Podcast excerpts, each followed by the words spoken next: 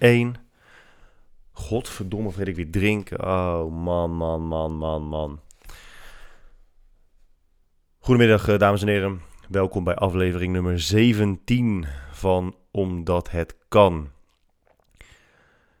Ook deze aflevering wordt mede mogelijk gemaakt door Under Armour en door Jimmy Joy.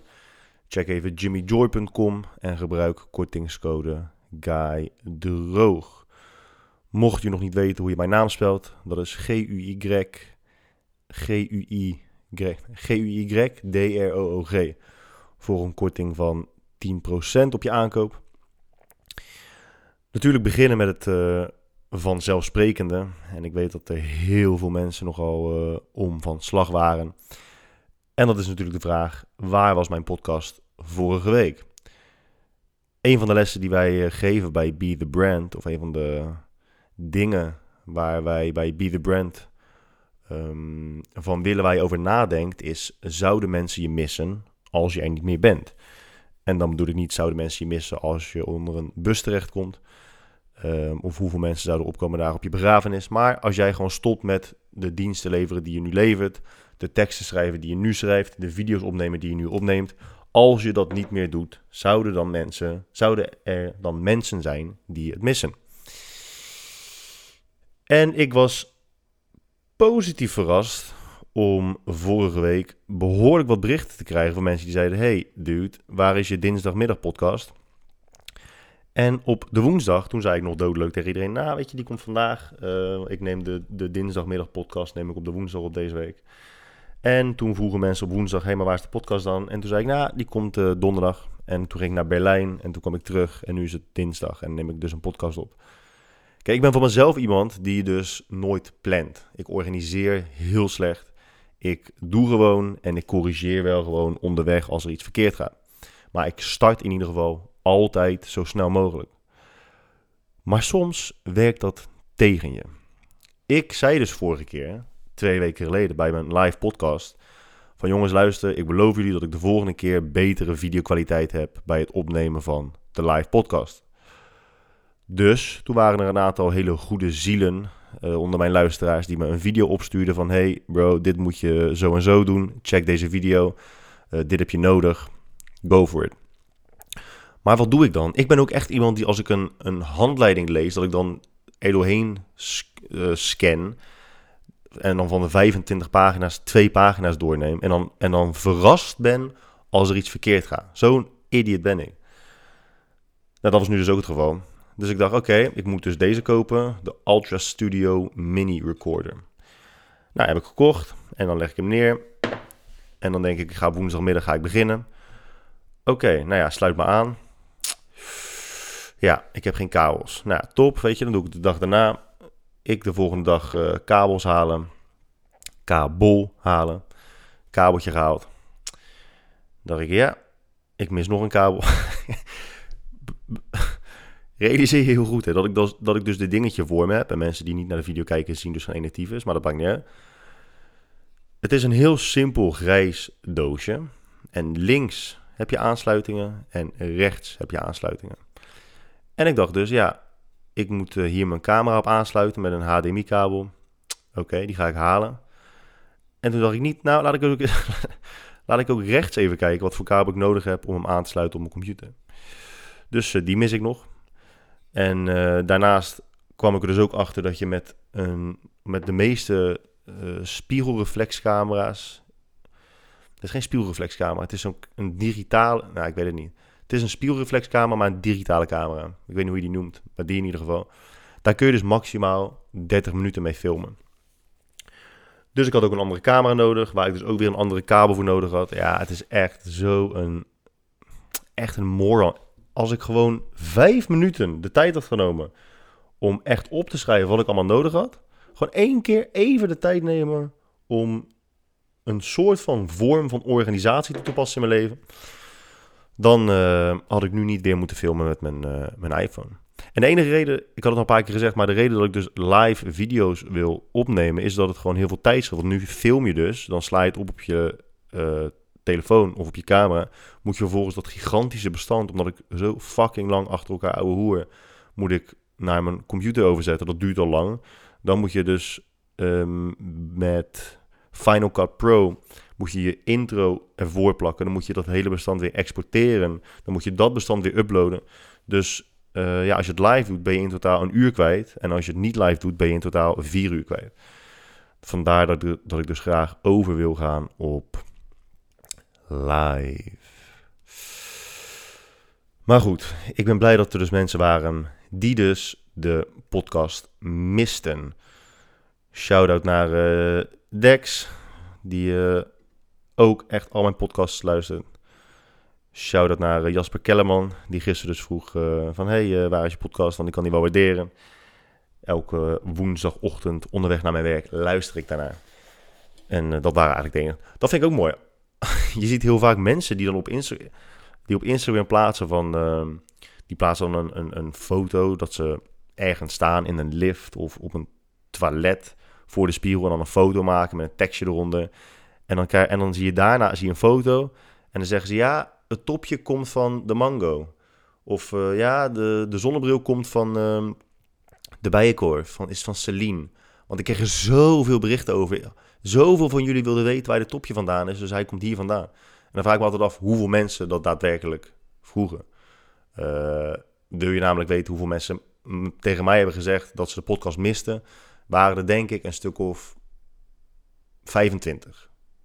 Dat is eigenlijk best veel als ik het zo zeg. Misschien, misschien was het minder dan 25. Misschien waren het er 5. Ik denk ergens tussen de 2 en de, en de 25. Tussen, ja, ergens tussen die twee getallen. Dus ik denk, ja, zoiets. Dus ja, ik ben in Berlijn geweest met de Doan. En uh, we wilden eigenlijk um, samen een uh, podcast opnemen. Tenminste, Doan wilde samen een podcast opnemen. Ik ook. Nee, ik wilde het ook doen. Alleen, um, ik dacht dus dat ik vandaag zou gaan opnemen live. En, dan en ik wilde dus uitvogelen hoe het allemaal werkt. Want je zit dan ook weer met software. Dat je live de intro moet laten zien. En dan moet je overschakelen van beeld. En, dus ik dacht, ja, dat kan ik beter doen als ik alleen ben. Vandaar dat... Uh, oh, is ook heel relevant voor jullie. Dat ik jullie dat ik, dat ik de uitleg die ik aan Doan moet geven waarom ik vandaag alleen podcast, dat jullie die ook krijgen.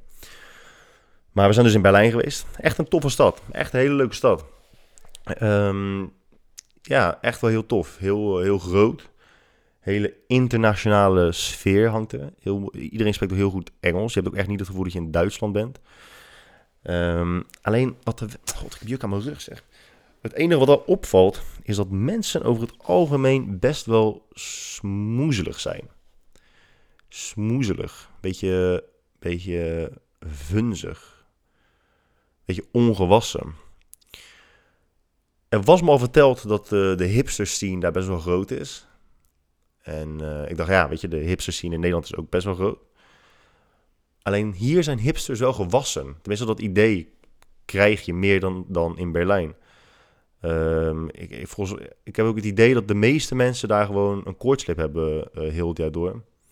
Dus dat was niet zo prettig. Uh, daarnaast mag je ook nog, tenminste het mag niet, het is verboden om in, uh, in barretjes en zo te roken. Alleen daar heeft iedereen er dus scheid aan. In Nederland is het verboden en houdt iedereen zich er, dan, er natuurlijk aan. Omdat Nederland, ja, in Nederland houdt iedereen zich aan de regels. Want regels zijn regels. Maar in, uh, in Berlijn dus niet. En ja, dat is echt fucking disgusting. Dan kom je thuis en dan ruik je echt naar een, naar een asbak. Ja, ik wilde iets grappigers verzinnen dan een asbak, maar het, uh, ja, dat, dat, was, dat was een groot nadeel. Maar ook, weet je, ook wel weer in bepaalde opzichten zoveel beter dan in ieder geval Rotterdam. Qua horeca-gelegenheden veel beter, qua service veel beter. Eén dingetje was wel minder, uh, maar dat hebben we uiteindelijk toch wel goed kunnen regelen merk toch wel echt steeds meer dat als je gewoon echt opkomt voor iets waar je recht op hebt, dat er bijna altijd wel iets goeds uitrolt. We kwamen dus bij het hotel aan en Doan had... Het was trouwens een verjaardagscadeautje. Ik ben in mei jarig geweest.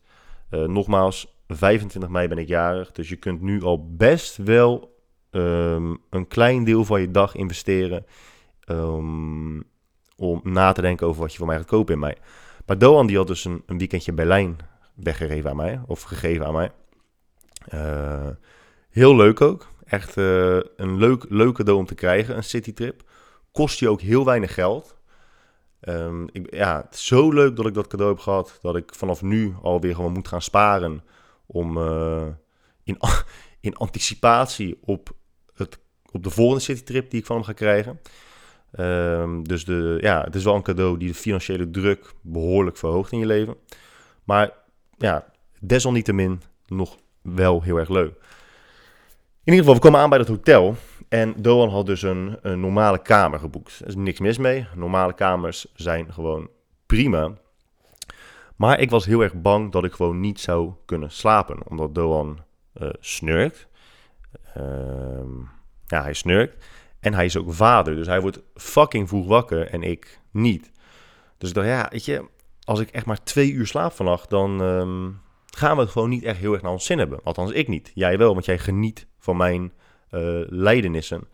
Dus uh, ja, voor jou is het, is een voordeel, maar voor mij zou het minder leuk zijn.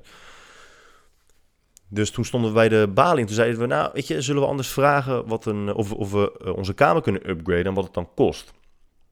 En ik vind dat de hotels in Berlijn echt behoorlijk schappelijk geprijsd zijn vergeleken met, andere steden. We zaten gewoon in de Westin Grand, in de wijk Miete heette dat. En dat is schijnbaar een goede wijk. Uh, ook als we zeiden waar we sliepen, zeiden mensen: Oh, zo, dat is wel een uh, mooi hotel. En dat was ook wel echt een heel mooi hotel. Mm, dus wij zeiden: Nou ja, wat zijn de opties qua upgrades?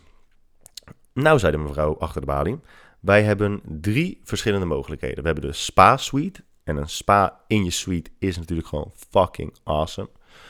We hadden de Themed Suite, dus de thema suite. Ik weet niet precies wat het thema uiteindelijk was. Want die kamer hebben we gekregen, maar ik weet niet wat wat het thema was, want het was gewoon zoals het hotel was. Of we hadden de junior suite. En de junior suite was eigenlijk gewoon een normale kamer, maar dan met een extra woonruimte eraan vast, waar je letterlijk nooit iets van je leven zou gaan doen. Dus wij zeiden, nou ja, we vinden het gewoon belangrijk dat we twee aparte bedden hebben, zodat we los van elkaar kunnen slapen. Toen zei de dame achter de balie, nou meneer, luister, uh, dan is de spa suite is geen optie, want die suite heeft één grote king-size bed. En er is geen ruimte voor een uh, uitklapbaar bed in de woonkamer. Uh, de junior suite, hetzelfde probleem. Dus de enige optie die overblijft is de themed suite. Nou, mevrouw achter de balie, zeiden wij, dat gaan wij gewoon doen. Wat gaat dat kosten? Nou, zei de mevrouw achter de balie, dat kost 150 euro per nacht extra. Wat op zich echt wel meevalt, uh, dames en heren. Want die suite was volgens mij 250 euro per nacht. En dat was echt een beste, beste, beste, beste suite. Um, om even te vergelijken met Stockholm, twee weken geleden. Daar was de suite volgens mij 650 euro per nacht. En die was um, ook nog steeds fucking nice, maar wel minder. Gewoon veel kleiner. Uh, badkamer veel minder. Hier was de badkamer wel echt next level. Hier had je gewoon echt het gevoel dat je in een appartement zat. En voor 250 euro per nacht is dat niet heel erg veel. Dat betaal je gewoon in Rotterdam voor een, uh, ja, voor een oké kamer. Dus zeiden wij, weet je, dat gaan we doen. Um, hook us up, laten we het doen. En uh, net voordat we wilden tekenen, zei ze: Oh, maar wacht even. Je betaalt wel 60 euro voor het bed. Want dat bed, dat extra bed, moeten ze daar natuurlijk neerzetten.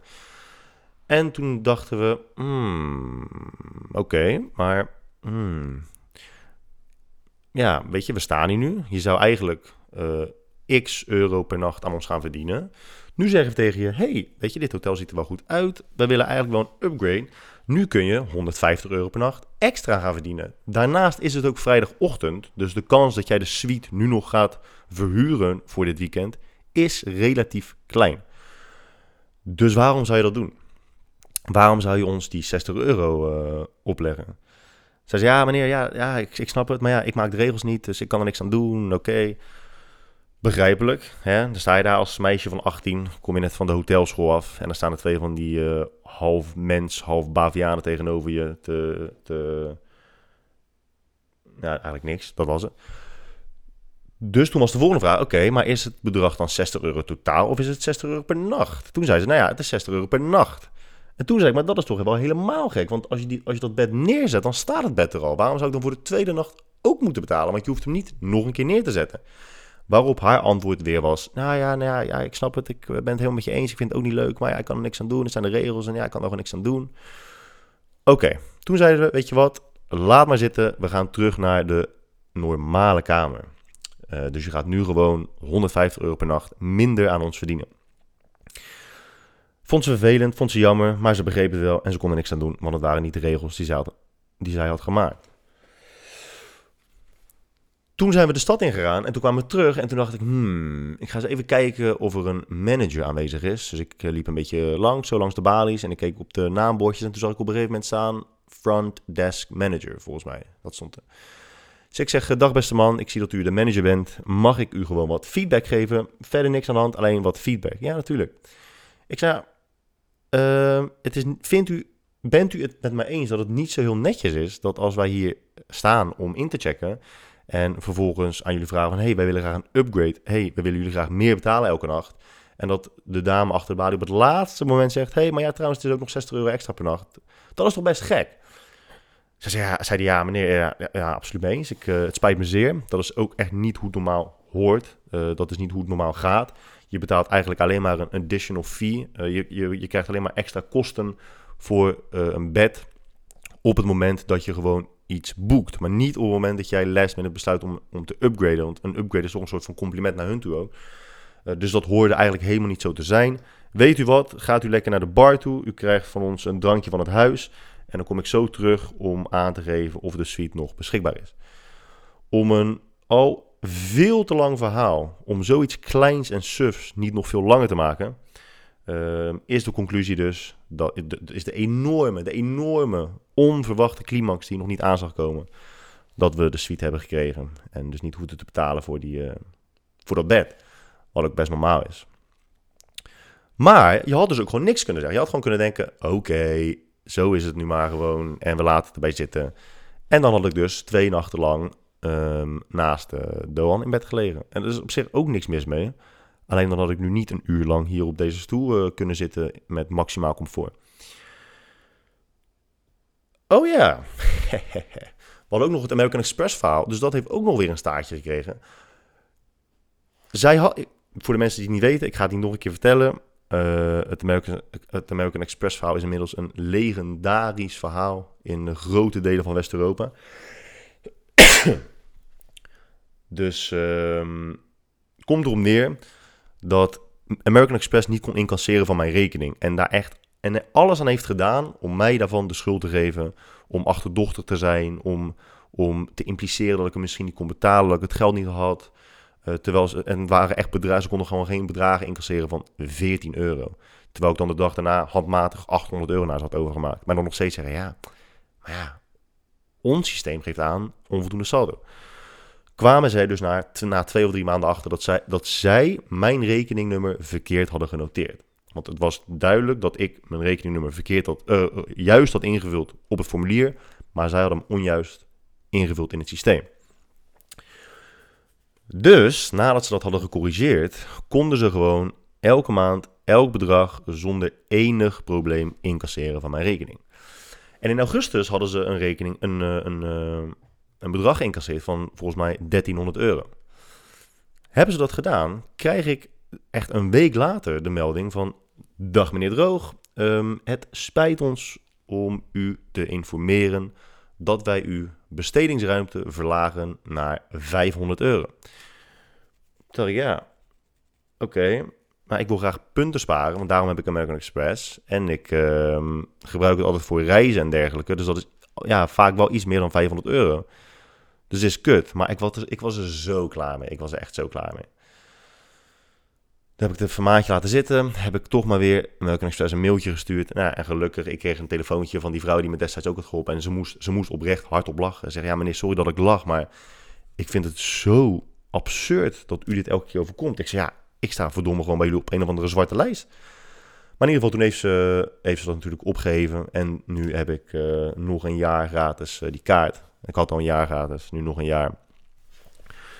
Dus dat is top.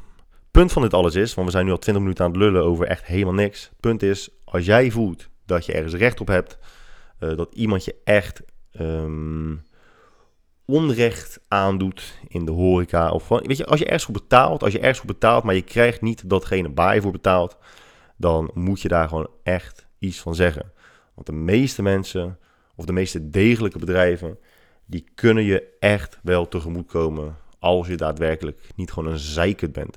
Do zei ook van, kijk, wij gingen er heel relaxed mee om in dat hotel. Dus dan wordt het ook gewoon leuk om ons daarin tegemoet te komen. Ehm, op het moment dat hij die suite aan ons schreef, hadden we ook nog kunnen zeggen: ja, maar luister, hey vent, ehm, wij zijn het hier nog steeds niet mee eens. Heel leuk dat je nu uiteindelijk nog alsnog die suite aan ons kan geven. Uh, maar wij hebben nu heel de middag hebben we gestrest rondgelopen. Uh, we vinden het super irritant dat jullie zulk waardeloos personeel achter de balie neerzetten. Uh, wij vinden dit niet genoeg. Zo'n persoon kan je, kun je ook zijn. Je kunt het echt wel volledig uitmelken. Maar dan wordt het voor de persoon tegenover je ook gewoon niet leuk meer. En dan wordt heel de ervaring ook gewoon een stuk minder. Zorg er in ieder, geval voor dat de persoon tegenover je, uh, die jou tegemoet moet komen, het ook leuk vindt om jou nog steeds tegemoet te komen. Dat is wel een, een kanttekening, denk ik. En ik heb het net wel over, over Berlijn en dat mensen een beetje smoezelig zijn en er allemaal een beetje viezig uitzien. Ook qua kleding is het allemaal niet top. Maar dan denk ik ook, weet je, oordelen over mode en kleding.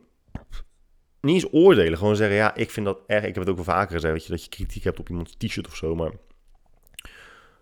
gewoon überhaupt discussiëren over mode is eigenlijk echt serieus een van de domste dingen die je kunt doen, vind ik.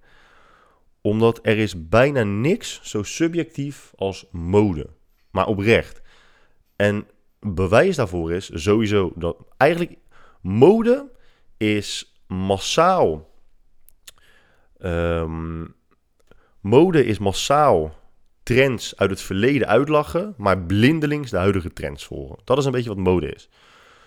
Bewijs daarvoor is dat als jij kijkt naar foto's van jezelf van tien jaar geleden, vijf jaar geleden, drie jaar geleden, en dan zie je je kapsel en dan zie je je schoenen en dan zie je je trui en dan denk je, mijn god, what the fuck was I thinking? Dat, dat denk je altijd. Er is niemand, niemand in de wereld die naar zijn middelbare schoolfoto's kijkt en denkt: holy shit, wat zat mijn haar fucking goed daar zeg. ik, ik mis dat kapsel echt. Er is niemand die dat denkt. Niemand. Er is ook niemand die denkt: daar klede ik me echt als een fucking baas. Niemand denkt dat. Iedereen vindt zichzelf belachelijk. Maar destijds vijf jaar geleden, tien jaar geleden, zeven en half jaar geleden, zes maanden geleden, toen dacht je, yep, I got it all figured out. Toen zat mijn haar fucking tof, je voelde je goed in je kleding, maar dan verandert de mode, dan verandert je smaak, dan verandert je perspectief, dan verandert je onzekerheid. En dan denk je, eh, ik zag er toen niet uit, nu heb ik het helemaal voor, voor elkaar. Nu draag ik geen skaterkleding meer, nu draag ik een... Uh, nu draag ik een getailleerd overhemdje met skinny jeans en Chelsea boots van Yves Saint Laurent. En nu ben ik de fucking shit. Maar dan over vijf jaar kijk je terug denk ik... Jezus, wat, wat dacht ik nou? Wat dacht ik nou met die fucking skinny jeans? Hoe heeft dat ooit mode kunnen zijn? Zo gaat het constant. Dus we lachen altijd om onszelf en om anderen uit het verleden. En dan nu denken we, ja, deze mode, deze mode is gruwelijk, Mattie. Deze mode is de shit. Besef dat er mensen zijn gewoon die crocs droegen en dachten, yep, deze schoenen zijn nice. En dan, nu ben je gewoon echt een fucking, ja. Dus, punt is, discussiëren over mode of gewoon zeggen van, ja, nee, jij kleed je goed, jij kleed je slecht. Zeggen, jij kleed je goed, is echt 100% gebaseerd op wat jij mooi vindt. 100%, niet, niet eens 99,99%. 100%, omdat mode volledig subjectief is. Er, zijn, er is geen wetgeving, er, is geen, er zijn geen regels. Um, er zijn wel ongeschreven regels. Je kunt wel zeggen, ja, je moet uh, dezelfde kleur riem met dezelfde kleur schoenen dragen. Dat is een soort van ongeschreven regel voor mode. Maar daarnaast kan iemand staan en die zegt van ja, maar ik vind het gewoon heel mooi om zwarte schoenen te dragen met een felle, oranje, opvallende riem. Wie bepaalt er dat de persoon die zegt je moet matchen, dat hij meer gelijk heeft dan de persoon die zegt nee, ik wil veel contrast? Niemand, want er is geen fucking wet voor. Is, het is er gewoon niet. En dan kun je wel zeggen, ja, maar iedereen weet dat toch? Ja, nee. Ja, iedereen weet dat misschien op dit moment. Maar over tien jaar is het misschien weer heel iets anders. En dan lach jij over tien jaar ook weer jezelf uit om hoe je tien jaar geleden dacht. Dus ehm, ja, ik vind niet dat we eigenlijk moeten oordelen over wat, wat mooi is qua kleding en niet mooi. En, ehm, ja, ik vind wel dat er, en dan gaat het niet over mooi of niet mooi, maar, maar je kunt wel zeggen dat als jij ehm, met ongewassen kleding vol gaten naar een net restaurant. Ik vind wel dat het onderscheid is tussen verzorgd, netjes, maar je kunt ook netjes zijn in een spijkerbroek en in een t-shirt. Daar kan je wel onderscheid in maken. Ik vind niet dat je in fucking flipflops en, uh, en een korte zwembroek en een tanktop in een Michelinster restaurant kunt gaan zitten. Maar ik vind ook niet dat je kunt zeggen, ja, dat is echt heel mooi en dat is gewoon, dat is gewoon fucking lelijk. Mode is echt bullshit. Mode is echt, echt bullshit. En we vinden onszelf en onze mode op dit moment echt zo super tof.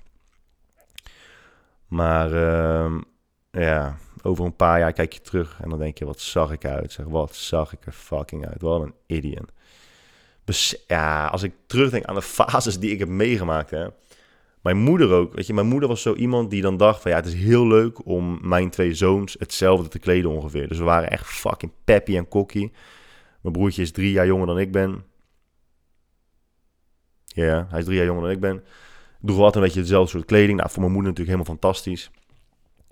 Uh, maar er waren natuurlijk ook van ouders die ons dan zagen en die dachten: Jezus, kijk ze nou, heel fucking kwik, kwek. En kwak is waarschijnlijk nog in opkomst, maar die is er uh, nu even niet bij. Um, en ik had ook, ik had een, ik had een matje, ik had een matje, een mullet. Ja, ja, dat was toen in, weet je? Dat was toen gewoon normaal.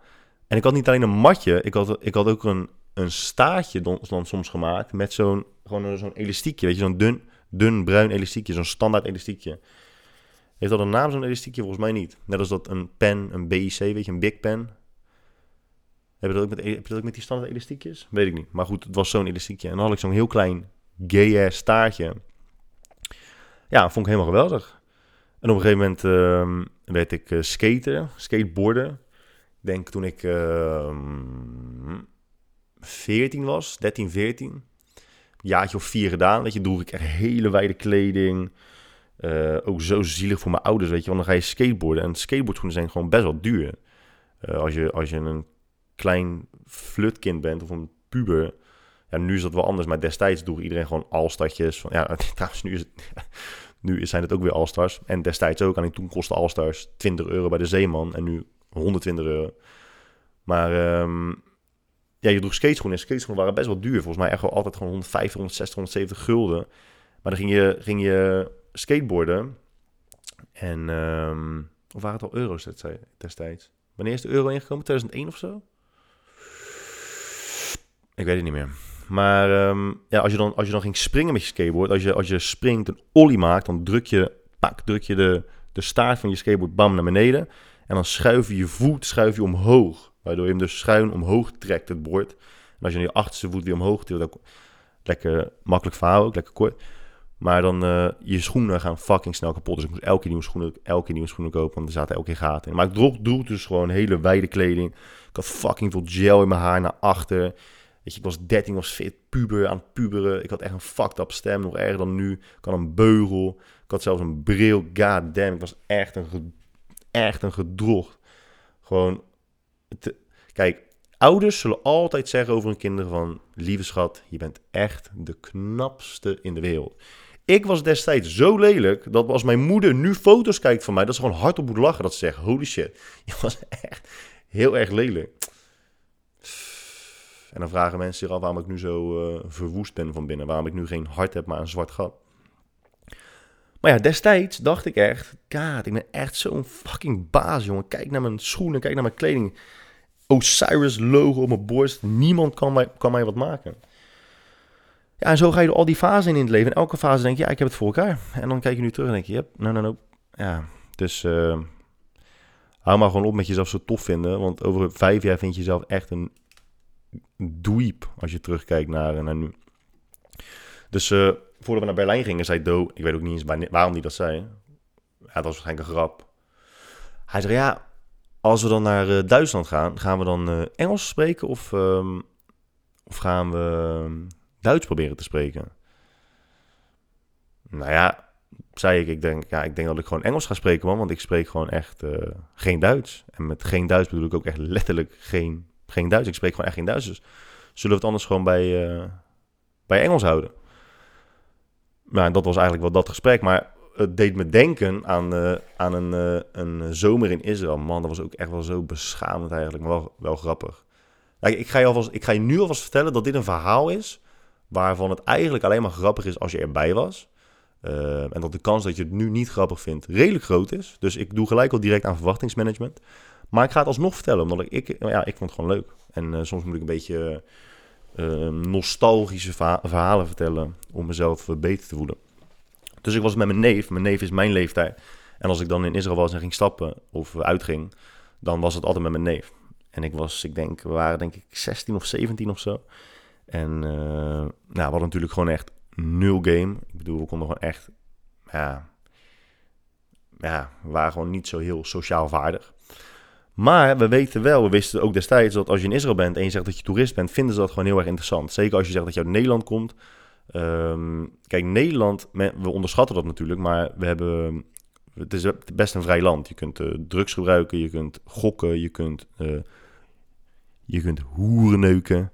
Ik, ik wilde zeggen, prostitutie is legaal. Maar als je zegt prostitutie is legaal, klinkt natuurlijk wel een stuk minder leuk dan je kunt hoeren neuken.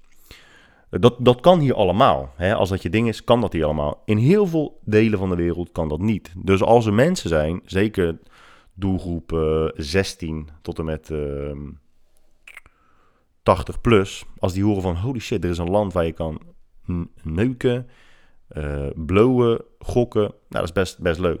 Dus voor veel mensen is Nederland een soort mekka. Um, Nederland gaat ook gewoon steeds meer op mekka lijken. nee, grapje. Um, dus wij dachten, weet je, leuk om, uh, om uh, tegen mensen te zeggen dat wij uit Nederland komen en gewoon lekker Engels te spreken met ze. Dus op een gegeven moment uh, liepen we in Eilat, dat is in het zuiden van Israël, grenst aan, aan Egypte toen uh, kwamen we twee dames tegen en die hoorden ons, dus, daar gingen we Engels tegen praten en die vonden dat heel erg interessant en die vonden ons heel erg interessant. En daar hebben we denk ik echt wel een uur of vier of vijf van ons leven in geïnvesteerd. En constant Engels gesproken en dat was, was best, best gezellig en uh, zijn we uit eten geweest en best gezellig en een drankje gedaan en nog steeds allemaal in het Engels, ging helemaal top. Um, toen ik 16, 17 was, was ik ook nog niet zo heel lang ontmaagd. Ik ben best wel laat ontmaagd. Dus uh, ik was nog best wel een, uh, ik was, ik was een late bloeier. Ik ben nog steeds niet uitgebloeid. Ik ben nog steeds aan het bloeien. Um, maar ja, ik vond het wel heel erg, heel erg spannend ook destijds. Ik dacht, oeh, dit, dit, dit ziet er wel dit ziet er positief uit. Dit zou nog wel eens wat kunnen worden. want normaal weet je ook niet of, of, of de persoon waarmee je bent of hij het gaat eh, kunnen fixen. Maar ja, zij, eh, die vriendin van de dame waar ik mee was, of gewoon een meisje, het was een, meisje, die vond mijn neef ook wel interessant. Dus het, zag er heel erg rooskleurig uit. En op een gegeven moment zeiden ze dus van, nee, zullen we anders uh, naar het hotel gaan? En nu achteraf denk ik van, ja, op die leeftijd had het echt van, hadden we echt van alles kunnen gaan doen. Misschien wilden ze gewoon Mario karten. Uh, maar destijds dacht ik, yep, we're in. We're good. We got this. Dus wij uh, lopen terug, de boulevard op. En godverdomme, er komt een zwerver op me af. En die zegt in het Hebreeuws, yo bro, heb jij misschien een shekel voor me? En een shekel is, een, uh, is de munteenheid in, in Israël. Dus eigenlijk vroeg hij gewoon, heb je misschien een euro voor me? En wat doe ik? Echt gewoon zonder te blikken of blozen, zonder na te denken. Gewoon in strak, vloeiend Hebreeuws zeg ik: Nee, bro, sorry, ik heb geen euro voor je. En ik maak mijn zin af en ik kijk naar mijn neef. en ik zal zijn blik echt nooit vergeten. Ik zal het echt nooit, nooit vergeten. Hij kijkt mij aan van, ja, je bent zo een motherfucking idiot. En zij keek, en ik keek hun aan, en ze keken mij aan, en ze keken elkaar aan. Ja, ik weet niet meer precies wat er toen is gebeurd. Ik denk dat ik dat een beetje heb verstoten, verstoten uit mijn geheugen. Maar ik weet wel dat het um, ongeveer 18 seconden duurde voordat uh, mijn neef en ik gewoon weer samen met z'n tweeën op de boulevard uh, liepen. En ehm, maar ja, ook volgens mij binnen het uur lag ik gewoon uh, alleen in mijn bed met mijn duimpje in mijn mond te slapen. Er is nog één andere keer geweest wanneer iemand zo naar mij, naar mij heeft gekeken. En dat was, oh man, daar moet ik nu opeens aan denken. Dus ik was, was toevallig ook weer in Israël. En toen, was, wat, toen was ik wel volwassen. Tenminste, volwassen. Toen was ik wel ouder. Toen leefde ik al langer. En ehm, mijn broer, oh we gingen naar een, naar een, uh, een country club. Dus waar je kan, uh, kan zwemmen en je hebt een gym. En voor mij kan je golf en zo. Daar weet ik het allemaal. En uh, mijn broertje die dacht, hey, weet je wat we gaan doen? We gaan voetballen. Want je hebt ook een, een voetbalveldje en een basketbalveldje. Laten we gaan voetballen. Hartstikke leuk, man. Dus hij had een, voor mij had hij niet zelf gekocht. Of misschien wel, weet ik niet meer. Doet ook niet heel erg toe. Maar we hadden zo'n klein zilver Nike balletje, Nike. En was ook niet een heel goedkoop balletje. Voor mij was dat ding echt 80 euro of zo. Voor echt zo'n klein, klein flutballetje. En uh, ja, we lopen dus samen naar dat veldje toe, weet je. Een beetje half aan het, uh, aan het uh, hoe noem je dat weer? Slonzen? Nee, niet slonzen. Hoe is het weer? Nou, ik weet niet. Gewoon in ieder geval zo heel cool, relax loop je naar dat veldje toe. En ik loop voor hem. Dus als, als, je, als je vanuit mijn broertjes perspectief kijkt, liep, liep ik ongeveer op zijn 1 uur. Dus uh, hij rolt het balletje voor zich uit. En ik, ik draai zo half om om hem aan te kijken. Ik zeg, hey bro, paas die bal eens. En nou ja, weet je, nee, ik ga het eerst vertellen. Dus hij, hij wipt dat balletje een klein beetje naar me toe. En hij komt aanstuiten. Zo punk, punk, punk. Ik neem hem aan. niet heel goed, overigens. Waardoor het balletje iets meer omhoog stuitert. Hij stuit het op de grond omhoog. En ik, uh, ik schiet echt zo motherfucking hard. Maar ook zo, zo slecht. Dat die bal over een hek heen vliegt van, ik denk wel 8 meter hoog. Over de straat heen. Over nog een straat heen. Over een dak heen. Dus we kijken. Oh man, we kijken allebei dat balletje zo weg. En ik keek mijn broertje aan. Hij zei gewoon niks. Hij zei niks. Je zag echt alleen maar gewoon oprechte, diep gewortelde teleurstelling omhoog komen. Hij, hij draait zich om en hij loopt gewoon weg. hij loopt gewoon weer weg en ik loop maar achter hem aan. Ik dacht, ja, godverdomme zeg, wat een klote Dus uh, ja, mocht het je niet uh, opgevallen zijn, ben ik ook niet zo heel goed in voetballen. Ik heb wel... Uh, wel kort gevoetbald. Maar ja, toen was ik heel jong. En uh, het was ook meer een hobby. En niet echt een uh, sport waar ik van hield. Want zelfs op die leeftijd, zelfs toen ik acht was. Ik ben gestopt toen ik naar de D'tjes ging. Dus ik heb de F'jes en de E'tjes gedaan. Zeg ik dat goed? Of nee, ben ik gestopt in de C'tjes? Nee, ik ben gestopt in de D. Ja, dus ik heb echt maar alleen maar de F'jes en de E'tjes gedaan. Dus ja, kun je je voorstellen hoe slecht ik dan eigenlijk ben. Uh, maar zelfs op die leeftijd dacht ik al op zaterdagochtend van... Oké, het is min 8 buiten. Nu, nu ga je mij dus vertellen dat ik met een korte broek naar buiten moet gaan. Dat ik dan af en toe... Want ik was voorstoppen. Voorstoppen, ik, was, ik stond gewoon voor het doel. Een soort van het goal te verdedigen. En dat ik een sliding moet gaan maken om ballen af te pakken. Waardoor heel mijn goddamn been onder het zand zit. Om daar vervolgens echt poeiers mee te moeten vangen op datzelfde been. En dus de hele dag het gevoel moet hebben dat ik in glas heb gelegen. Ga je mij dit vertellen? Is dit, is dit waar ik me voor heb ingeschreven? Nou, daar ben ik toen wel heel snel mee gestopt. Um, dus ja, het was meer een hobby. En niet echt een. Uh, het was niet echt een passie voor me, als ik dat zo mag zeggen. Uh, weet je, kunnen we ook wel. Kunnen we niet gewoon met z'n allen even afspreken dat we in onze Instagram-biografie een aantal dingen niet meer als hobby opgeven. Kijk, reizen is geen fucking hobby. Je kan niet zeggen, mijn hobby is reizen. Een hobby is iets wat je, weet je, even in het dagelijks leven, in je vrije tijd erbij doet. Reizen is voor bijna iedereen echt een heel groot en belangrijk onderdeel van hun leven.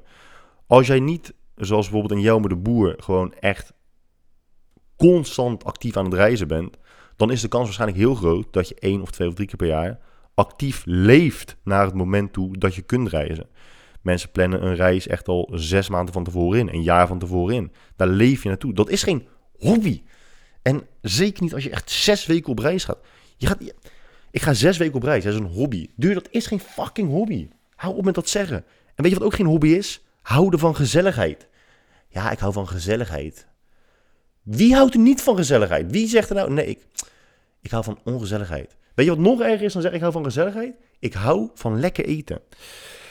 Als jij zegt dat lekker eten een hobby van je is, hè, weet je wat het alternatief is van lekker eten? Vies eten. En weet je wie zegt ik hou van vies eten? Niemand. Niemand zegt dat. er is niemand die zegt ik hou, ik hou van eten dat niet lekker is. Dus zeggen dat je van lekker eten houdt is echt een van de meest. Is echt de makkelijkste manier om aan de wereld te laten zien dat je nul persoonlijkheid hebt. Bedoel ik niet lullig, maar dan. Ik, kijk, ik bedoel het niet lullig en niet persoonlijk. Maar als jij zegt: Mijn hobby's zijn reizen, gezelligheid en lekker eten. Dan ben je echt een, een omhulsel van een mens. Een leeg omhulsel van een mens. Heb je wel eens uh, een opgezet dier gezien? Dat ben jij, maar dan een mens. Gewoon geen inhoud. Nooit. Als dat het beste is wat je kunt verzinnen over jezelf, dat je daarvan houdt, dan is het echt geen verrassing dat je vrijgezel bent. Echt niet. Want mensen zoeken over het algemeen naar een partner die iets meer over zichzelf weet en kan vertellen dan ik hou van lekker eten. Iedereen houdt van lekker eten. Nou ja. Heel erg vervelend is dat hoe ouder je wordt, hoe meer uitnodigingen je krijgt voor babyverjaardagen. Weet je, ik.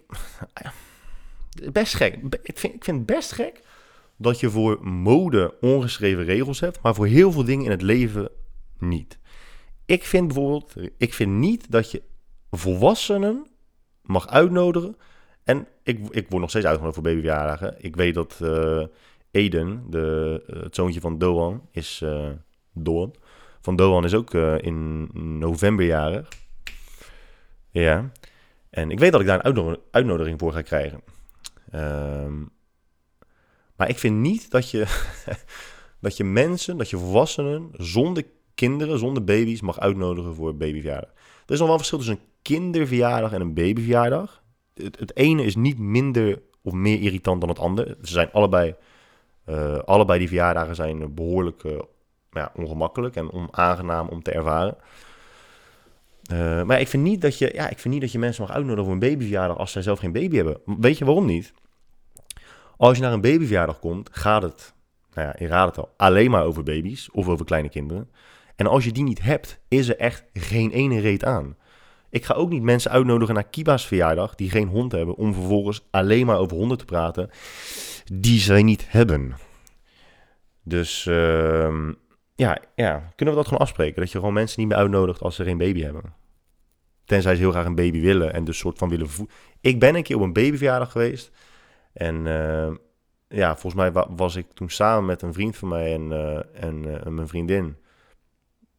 Ja, letterlijk de enige zonder baby. En iedereen zat met zijn of haar baby op de grond in een cirkel naar de baby's te kijken. En wij, ja, wij keken dus daarnaar. Toen ik, ja, wat doen we hier? En niemand kon er antwoord op geven. Maar, en dit bedoel ik niet lullig. Het klinkt wel heel lullig. Dus het kan zijn dat ik het lullig bedoel. Maar ik zeg, ik bedoel het niet lullig om minder lullig over te komen. Het zou ook wel eens kunnen zijn dat een babyverjaardag gewoon de grootste ego-trip in de wereld is. Hè? Want alles draait om de volwassenen. Hoeveel mensen ken je niet die de eerste verjaardag van hun baby viert in een of andere chique tent met allemaal dure dingetjes, dus dure, uh, hoe noem je die shit, gewoon waar je, waar je versieringjes en een hele dure taart en dure cadeaus. Alles draait om de volwassenen. Hè? Dan gaan ze op social media plaatsen. Jongens, kijk eens hoe leuk wij zijn als ouders. Kijk eens naar onze gruwelijk grote taart. Social media, kijk, kijk hier eens naar. Guess what? Die baby weet dat niet. Die, die heeft daar totaal geen besef van. Die kan je gewoon in een zandbak zetten en een paardenloem geven en zeggen: Hier, kou hier maar even een half uur op. En de tijd van zijn leven hebben. Nee, mijn ouders denken, nee, nee, nee, nee, nee, nee, nee, nee, nee, nee, nee, nee, nee. Dit is de allereerste verjaardag van mijn baby. Mijn baby krijgt geen paardenbloem. Mijn baby is de wereld waard. Dus mijn baby krijgt een speen van Gucci. Ja, een baby weet dat niet. Maar iedereen die ziet dat jij je baby een Gucci-speen geeft op social media, die denken dan, zo, die zorgen goed voor een baby. Wat mij tot de conclusie leidt dat een babyverjaardag gewoon één dikke egotrip is. En weet je wat, wat het ook een egotrip maakt? Niet voor baby's, maar um, niet bij baby, babyverjaardagen, maar op het moment dat ze wat ouder worden, is dat je uh, een soort van. En iedereen weet het, hè, en mensen die dit ontkennen zijn echt de grootste fucking leugenaars in de wereld. Iedereen weet dat het zo is. Dat er een onderlinge, onuitgesproken strijd ontstaat tussen de ouders. Tussen de ouders en de ooms en de tantes. Want iedereen wil stiekem de favoriete oom of tante zijn, of de favoriete ouder zijn, of de favoriete neef of nicht zijn. Dus wat gebeurt er? De een koopt een cadeau en dan denkt de ander, oeh, dat cadeautje was 40, 50 euro. Nou, dat moet ik wel even overtreffen. Dan koop ik een cadeautje van 75 euro. Uh, iedereen wil een leuker cadeau kopen dan de ander, want iedereen wil dat de baby of het kindje zijn of haar cadeau gaat gebruiken om uiteindelijk de leukste tante gevonden te worden. Zo is het gewoon. Zo werkt het altijd. Uh, want ook volwassenen onder elkaar is het nog steeds zo. Oh ja, ik heb laatst van die en die uh, voor mijn verjaardag cadeau gehad van 40 euro. Dan kan ik het niet maken om een cadeautje te kopen van 20 euro. Want stel je voor dat ze erachter komt en denkt: hé, hey, maar wacht even, ik, wacht even, ik heb een cadeau gekocht voor 40 euro voor jou. Hoe haal jij het in je hoofd om voor mij een cadeautje te kopen van 20 euro? En dat soort shit spreken mensen niet naar elkaar uit. Zeggen ze: nee, nee, nee, nee, nee, nee, nee, nee. Het gaat mij niet om cadeautjes. Het gaat mij alleen maar om de gezelligheid. En om lekker eten. En af en toe een beetje reizen. Cadeautjes krijgen hoeft mij niet. En dan doe je het niet. En dan is het: ja, schat, uh, wat, wat is er? Nee, niks hoor. Niks. Ik had gewoon uh, verwacht dat ik misschien uh, hè, een cadeautje zou krijgen van je. Zeg dan niet dat je niks wilde. Maar kijk, het is ook niet erg. Dit, dit is hetzelfde als mensen die zeggen... Nee, het gaat maar niet om uiterlijk. Hè, daar hebben we het vorige podcast over gehad. Of de, die podcast daarvoor. Het gaat maar niet om uiterlijk. Uiterlijk is niet belangrijk voor mij. Uiterlijk is voor iedereen belangrijk. Want niemand wil naar een tandloos gezicht kijken. Hè? Dat is... Dat, daar kan je toch gewoon eerlijk in zijn. Dat maakt toch niet uit. Hetzelfde met cadeautjes. Iedereen vindt het leuk om een cadeau te krijgen. Waarom zou je nou zeggen: nee, ik hoef geen cadeau? Dat is echt geforceerde, besche niet bescheidenheid, maar geforceerde, uh, hoe heet dat nou? netjes proberen te zijn, weet je wel? Ja, ik probeer netjes te zijn, dus ik zeg maar dat ik geen cadeau wil. Iedereen wil een cadeau krijgen. Dus eigenlijk moet je de vraag niet instellen. Je hoeft niet te vragen, ja, wil je iets voor je verjaardag? Ja, motherfucker, natuurlijk wil ik iets voor mijn verjaardag. Want ik word straks 31 en de enige reden waarom een verjaardag op volwassen leeftijd nog leuk is, is omdat je cadeaus krijgt. Denk je dat ik het leuk vind om voor de 9 miljoenste keer te horen: hey, gefeliciteerd? Nee. Nee. nee. Zeker niet nu met social media. Dan hoor je mensen een jaar lang niet. Sommige mensen spreek je letterlijk één keer per jaar op je verjaardag. Dan kijk je op Facebook, op je wall, staan er 700 berichten. hey, gefeliciteerd, maak er een fantastische dag van. Het interesseert jou helemaal niks hoe mijn dag is. Echt niet eens een heel klein beetje, omdat ik letterlijk één keer per jaar iets van je hoor. Dus al die oppervlakkigheden op vaste leeftijd is niks aan. Wat wel leuk is, is cadeautjes krijgen. En daar is niks mis mee, want een cadeau krijgen is altijd leuk. En een cadeau krijgen is zelfs zo leuk dat het ook niet alleen maar op je verjaardag hoeft. Dus uh, mocht je voor of na 25 mei nog denken van, nou, ik wil Guy best wel een cadeautje geven, dan mag dat. Dus ik liep laatst uh, met Kiba liep ik buiten. En uh, toen was er ook een verjaardag aan de gang. En echt, I shit you not. Dit is echt, dit heb ik met mijn eigen ogen gezien. In de vensterbank stonden alle cadeautjes. Ja, ik, het is echt alsof ik het verzin, maar ik verzin het niet. Een van de cadeautjes was um, een fucking blik erwtensoep. Geen grap. Een grote, groot blik Unox erwtensoep. Met uh, van het doorzichtige plastic eromheen, weet je wat je met een cadeautje doet. En een strik eromheen. Kijk, ik hoop zo erg dat het een inside joke was. Dat iemand daar een keer een grap over heeft gemaakt en heeft gedacht... Ik ga voor jou een blik ettersoep kopen. Dat hoop ik echt. Als ik ooit gewoon onder serieuze omstandigheden van een van mijn kennissen of vrienden of vriendinnen een fucking blik ettersoep krijg, dan loopt die relatie een deuk op. Dat durf ik wel echt, uh, echt te zeggen. Dus wat ik net zei, daar zit ook wel een kanttekening aan, bij aan. Cadeaus krijgen is leuk, maar alleen als het leuke cadeaus zijn. Hè, en snap je? Dat is hetzelfde zeggen, ik hou van lekker eten. Ja, iedereen houdt alleen maar van eten als het lekker is. Zelfs met cadeaus krijgen. Niemand zegt, ik hou van stomme cadeaus krijgen. Jee. Niemand zegt dat. Dus als je een cadeau koopt, maak het dan een leuk cadeau. En diezelfde, oh ja, diezelfde, diezelfde avond loop ik dus in. Ik, hebben het een keertje, ik heb het een keertje over die gladiatorkatten gehad. Weet je, in, in mijn achtertuin. Dat mensen die katten naar buiten laten. Die worden helemaal afgeslacht, gegangraped. Om vervolgens met 18 steekwonden weer naar huis te gaan. En dan de eigenaar dan zegt, ja... Ja, nee, ik vind het zielig om ze binnen te laten. Nee, motherfucker, het is, wel, het is niet zielig om ze buiten helemaal een groepsverkrachting te laten ondergaan. Dus iemand had een, had een, uh, een dingetje in de... Iemand had een briefje geschreven dat uh, hun kat weer vermist was. Maar die kat is al voor de vierde keer vermist in een jaar. Ik heb hem één keer gevonden. Uh, echt fucking ver van, uh, van onze straat vandaan. Toen de tweede keer was hij weer kwijt. Zei ik, hé, hey, maar hè? Ik heb hem echt een paar maanden geleden... Is dat ook gebeurd, toch? Toen zei ze ook, ja, maar ik vind het zielig om hem binnen te laten. Ja, maar make up your mind. Wil je je fucking kat nou binnenlaten en, hem niet, en dat hij niet vermist is? Of wil je hem elke keer naar buiten laten gaan, waarna hij vervolgens niet terugkomt, omdat hij net als jij het leuk vindt om buiten te zijn. Fuck, je weet het begin van mijn zin niet meer. Dus ik weet niet hoe ik hem nu naar de komma moet uh, afronden. Maar goed, je moet dus kiezen. Je kan niet zeggen, ik ga het nog een keer doen. Je kan niet zeggen, ik vind het zielig voor mijn kat om binnen te zijn, dus ik laat hem naar buiten. Omdat je weet dat je kat het leuk vindt buiten. Waarna je kat vervolgens buiten is en daarvan geniet en daardoor niet terugkomt. En dat jij vervolgens gaat zeggen, ja, mijn kat is weer vermist. Dude, hou op. En in het begin hadden ze dus een A4'tje met een foto van de kat. En uh, de naam. Toch? Ja, elke kat heeft gewoon een naam. Dus ja, dit is mijn kat, dit is whatever, Felix. Hij is vermist. Zo ziet hij eruit. Wat hebben ze nu gedaan? Nou ja, oprecht, gewoon bijna een betoog. Hè? Ze hebben gewoon uh, geschreven, allemaal dingen geschreven. Ja, hallo, onze kat is vermist. Hij ziet er zo en zo uit. Hij is voor het, voor het laatst gezien op die en die datum, dat tijdstip. Heb je hem misschien gezien? Zou je dan contact op kunnen nemen met die en die? Niemand leest dat, dude. Je, want je ziet het, je ziet het staan en je denkt, wow, zo, je moet ook even voor gaan staan en dit gewoon echt gaan staan lezen. En daarnaast, het regent heel veel in Nederland nu. Dus als jij een fucking A4'tje van papier met één, één plakbandje aan een lantaarnpaal hangt, dat kan toch niet? Dat gaat toch gelijk weg? Dus je,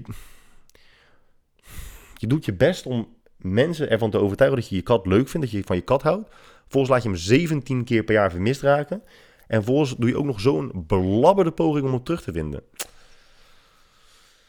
Ah. En weet je, over belabberde pogingen gesproken. Als jij een nieuwe relatie hebt.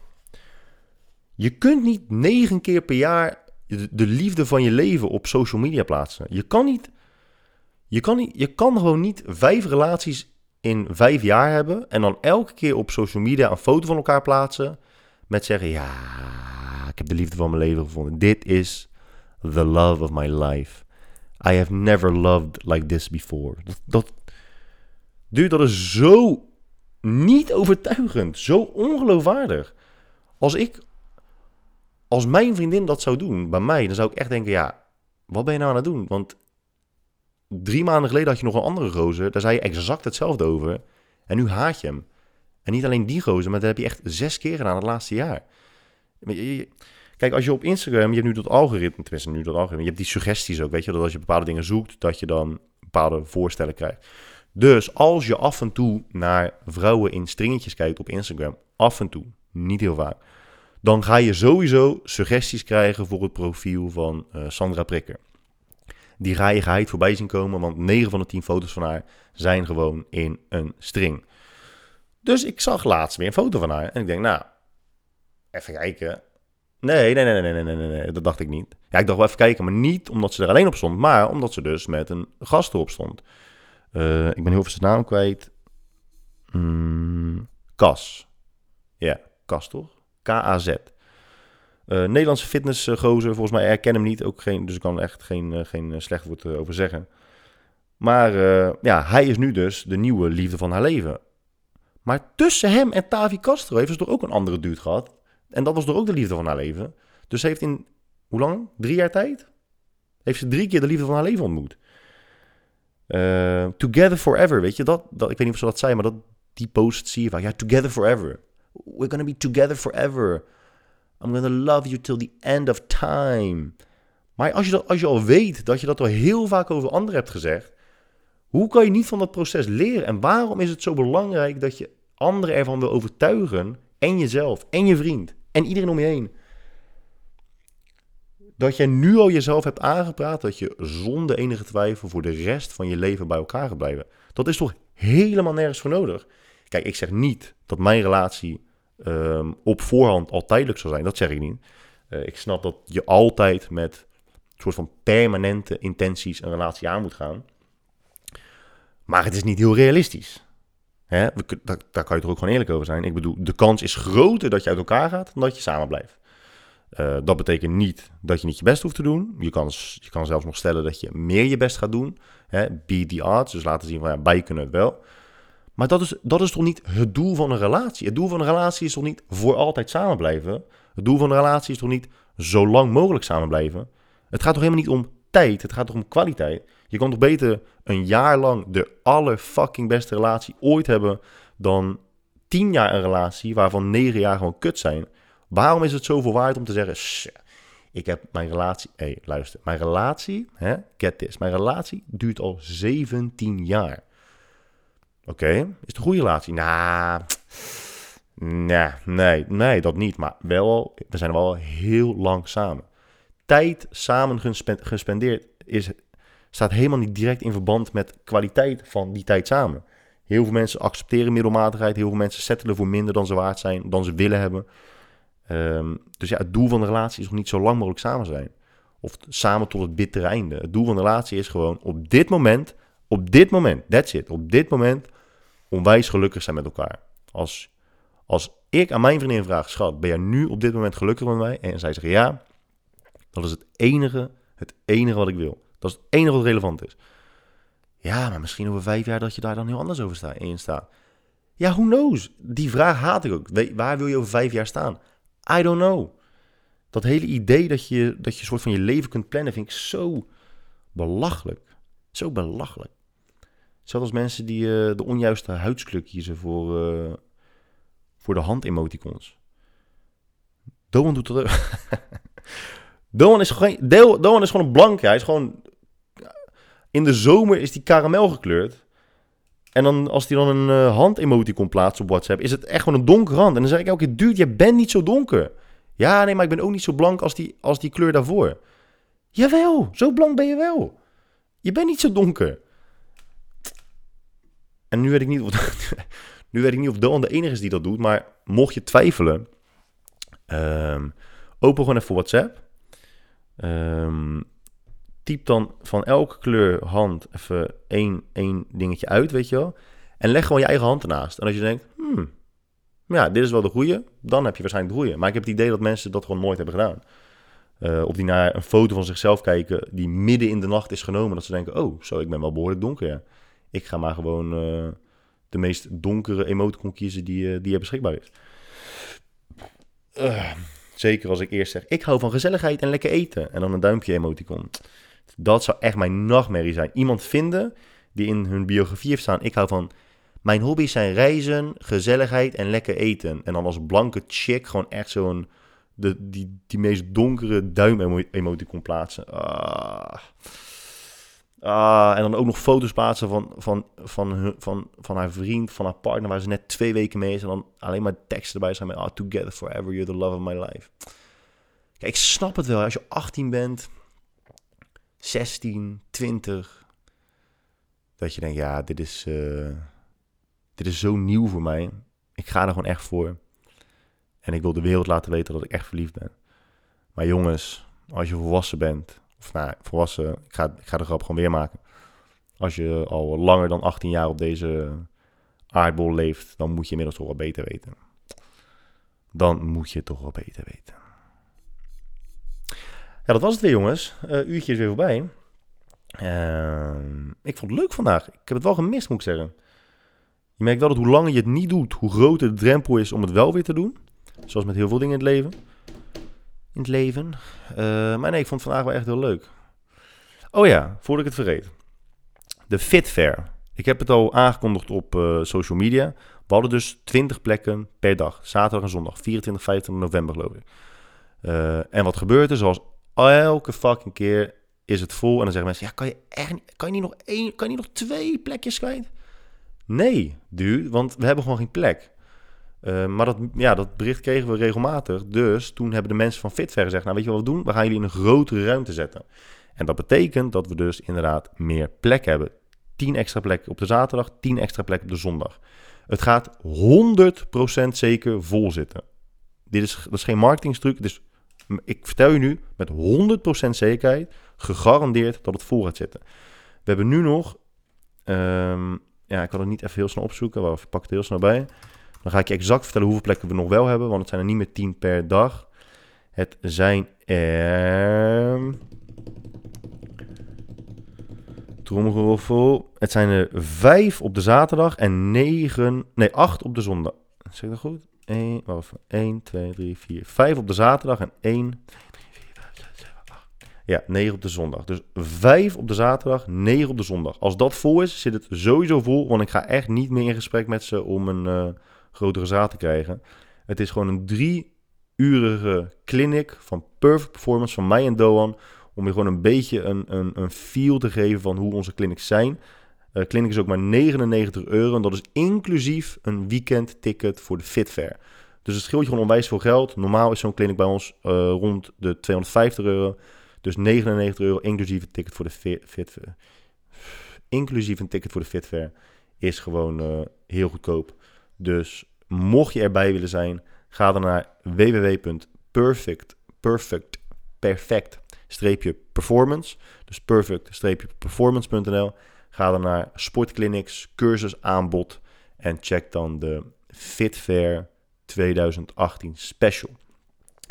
En dan uh, zien we jullie gewoon in november bij de Fit Fair. Uh, dank jullie wel allemaal voor de, uh, voor de aandacht. En als je nog niet geabonneerd bent op mijn Soundcloud of op mijn YouTube, doe dat dan even.